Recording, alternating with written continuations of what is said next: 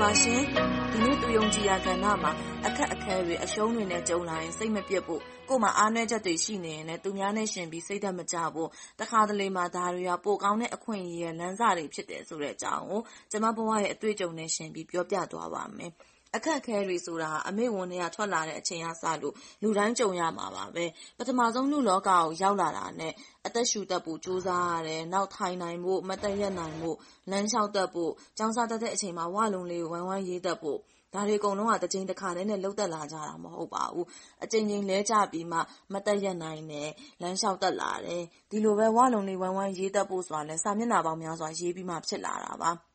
ကျမငယ်ငယ်ကဆိုရင် လက်ရေးမလှလို့ ခဏခဏ လက်စစ်အခေါက်ခံရပါတယ်။အခုချိန်ထိလည်းလက်ရေးမလှသေးပါဘူး။ဒါဟာ ကျမရဲ့ အားနည်းချက်ပါ။ဆရာဝန် ဖြစ်လာတဲ့အချိန်မှာလည်း ဒီလက်ရေးက တော်တော်ဒုက္ခပေးခဲ့ပါတယ်။ဆရာဝန်လက်ရေးဆိုပြီး ရယ်စရာလုပ်ကြပေမယ့် တကယ်တမ်း ကိုယ့်လက်ရေးကို ဆေးပေးတဲ့လူတွေ မဖတ်တတ်တဲ့အခါမှာ အရမ်းအန္တရာယ်များပါတယ်။ဒီတော့ ကိုယ့်ရဲ့အားနည်းချက်ကို အရင်ဆုံးသိအောင်လုပ်ရတယ်။ဘယ်လိုအချိန်မျိုးမှာ လက်ရေးမလှဘူးဖြစ်သွားလဲ။လူနာအရမ်းများလာရင် စိတ်မရှည်ဘဲနဲ့ အမြန်ရေးမိတယ်။ဒါဆို သူ့ကိုပြင်ဖို့ကြိုးစားမယ် ဆေးညွှန်းရေးတဲ့အချိန်မှာ တတ်နိုင်သလောက် စိတ်ရှိရှိထားပြီး ရှင်းရှင်းလင်းလင်း ဖတ်လို့ရအောင်ရေးတယ်။ဒါတောင်မှပဲ အကျဉ်းဖြစ်တဲ့လက်ရေးကစိုးနေတုန်းပါပဲ။အဲဒါကို လက်ခံပေးလိုက်ပါတယ်။ဒီလက်ရေးကြောင့် ပြဿနာမဖြစ်အောင် ကာကွယ်ဖို့ပဲ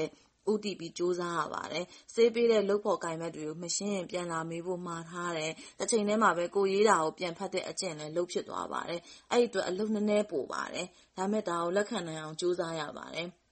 နောက်တခုက ကိုယ့်ရဲ့အရှုံးတွေ၊အားနည်းချက်တွေကို အောင်မြင်နေတဲ့သူများတွေနဲ့ယှဉ်ပြီး အားမငယ်မိဖို့ အရေးကြီးပါတယ်။ကျမ အသက်ရောက်မှ ရေကူးသင်တန်း စတတ်ဖြစ်ပါတယ်။အသက်ကြီးမှစပြီး ရေကူးသင်တဲ့လူတွေရဲ့ ထုံးစံအတိုင်း ကျမ ရေအရမ်းကြောက်ပါတယ်။ကိုယ်နဲ့အတူတူတက်တဲ့ ကလေးတွေ သင်ခန်းစာအသစ်တက်တဲ့ အချိန်မှာ ကိုယ်က ရေပေါ်ကို မျက်နှာမော့ပြီး အသက်ကောင်းကောင်းရှူဖို့ မနည်းလေ့ကျင့်ခဲ့ရပါတယ်။ကလေးတွေတောင်တတ်ကုန်ပြီ။နင်မရှက်ဘူးလားလို့ မေးလည်း ဒါကို အားငယ်စရာ၊ရှက်စရာလို့ မမြင်ပါဘူး။ကိုယ်က ဒီအရွယ်မှစသင်တာ။ဒီလောက်တော့ ရှိမှာပဲလို့ပဲ ခံယူပါတယ်။ သင်တန်းကိုသုံးကျော့ပြန်တက်ပြီးတဲ့အချိန်မှာတော့ ကျမ ရေကူးတက်သွားတယ်။ဒါကိုလည်း ကိုယ်လုပ်နိုင်ခဲ့တယ်လို့ ဂုဏ်ယူပါတယ်။ကိုယ့်ရဲ့အရှုံးတွေကို လက်မလျှော့ဖို့၊ကိုယ်လုပ်နိုင်ခဲ့တာကို ဘယ်လောက်သေးသေးလေးပဲ ဖြစ်ပါစေ ကိုယ့်ကိုယ်ကိုချီးမွမ်းပေးဖို့ မမေ့ပါနဲ့။ဒီလိုမျိုး ကိုယ့်ကိုယ်ကိုချီးမွမ်းလိုက်ခြင်းအားဖြင့် ကိုယ့်ကိုယ်ကိုယုံကြည်မှုတွေ ပိုတိုးတက်လာပြီးစိတ်ခွန်အားတွေ ရလာတယ်ဆိုတာကိုယ်တွေ့ပါ။ လုပ်ငန်းခွင်မှာပဲဖြစ်ဖြစ်၊ပညာရေးမှာပဲဖြစ်ဖြစ်ကိုယ်ကြိုးစားတိုင်းမဖြစ်တာမျိုးကိုတချိန်မဟုတ်တချိန်တွေ့ရမှာပါကိုယ်လိုချင်တဲ့အလုပ်ကိုမရတာ၊အမှတ်လေးနည်းနည်းနဲ့ကပ်ပြီးဝင်ခွင့်မှာမပါသွားတာ၊သေချာပေါက်အောင်မြင်မယ်ထင်တဲ့ကိစ္စတခုကအနီးကပ်မှလွဲချော်တာဒါမျိုးတွေနဲ့ကြုံတွေ့လာတဲ့အချိန်မှာစိတ်မပျက်ပါနဲ့။ကိုယ့်ဘက်ကအကောင်းဆုံးလုပ်ထားခဲ့ပြီမို့ကိုယ်မတတ်နိုင်တဲ့အပိုင်းအတွက်စိတ်ဓါတ်ကျစရာမလိုပါဘူး။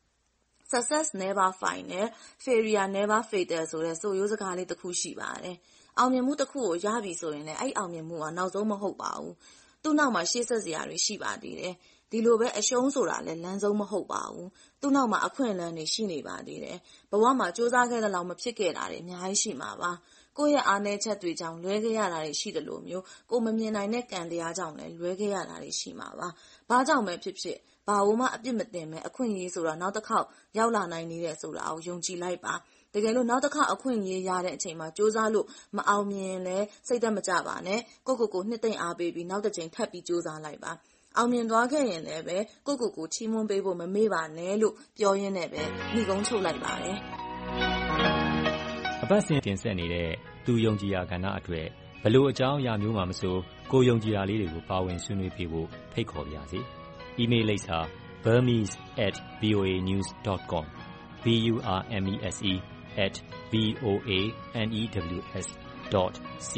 ကို စာရေးပြီး ဆက်သွယ်ရမယ့် တယ်လီဖုန်းနံပါတ်ကို အကြောင်းကြားလိုက်ပါခင်ဗျာ ကျွန်တော် ပြန်ဆက်သွယ်ပါမယ်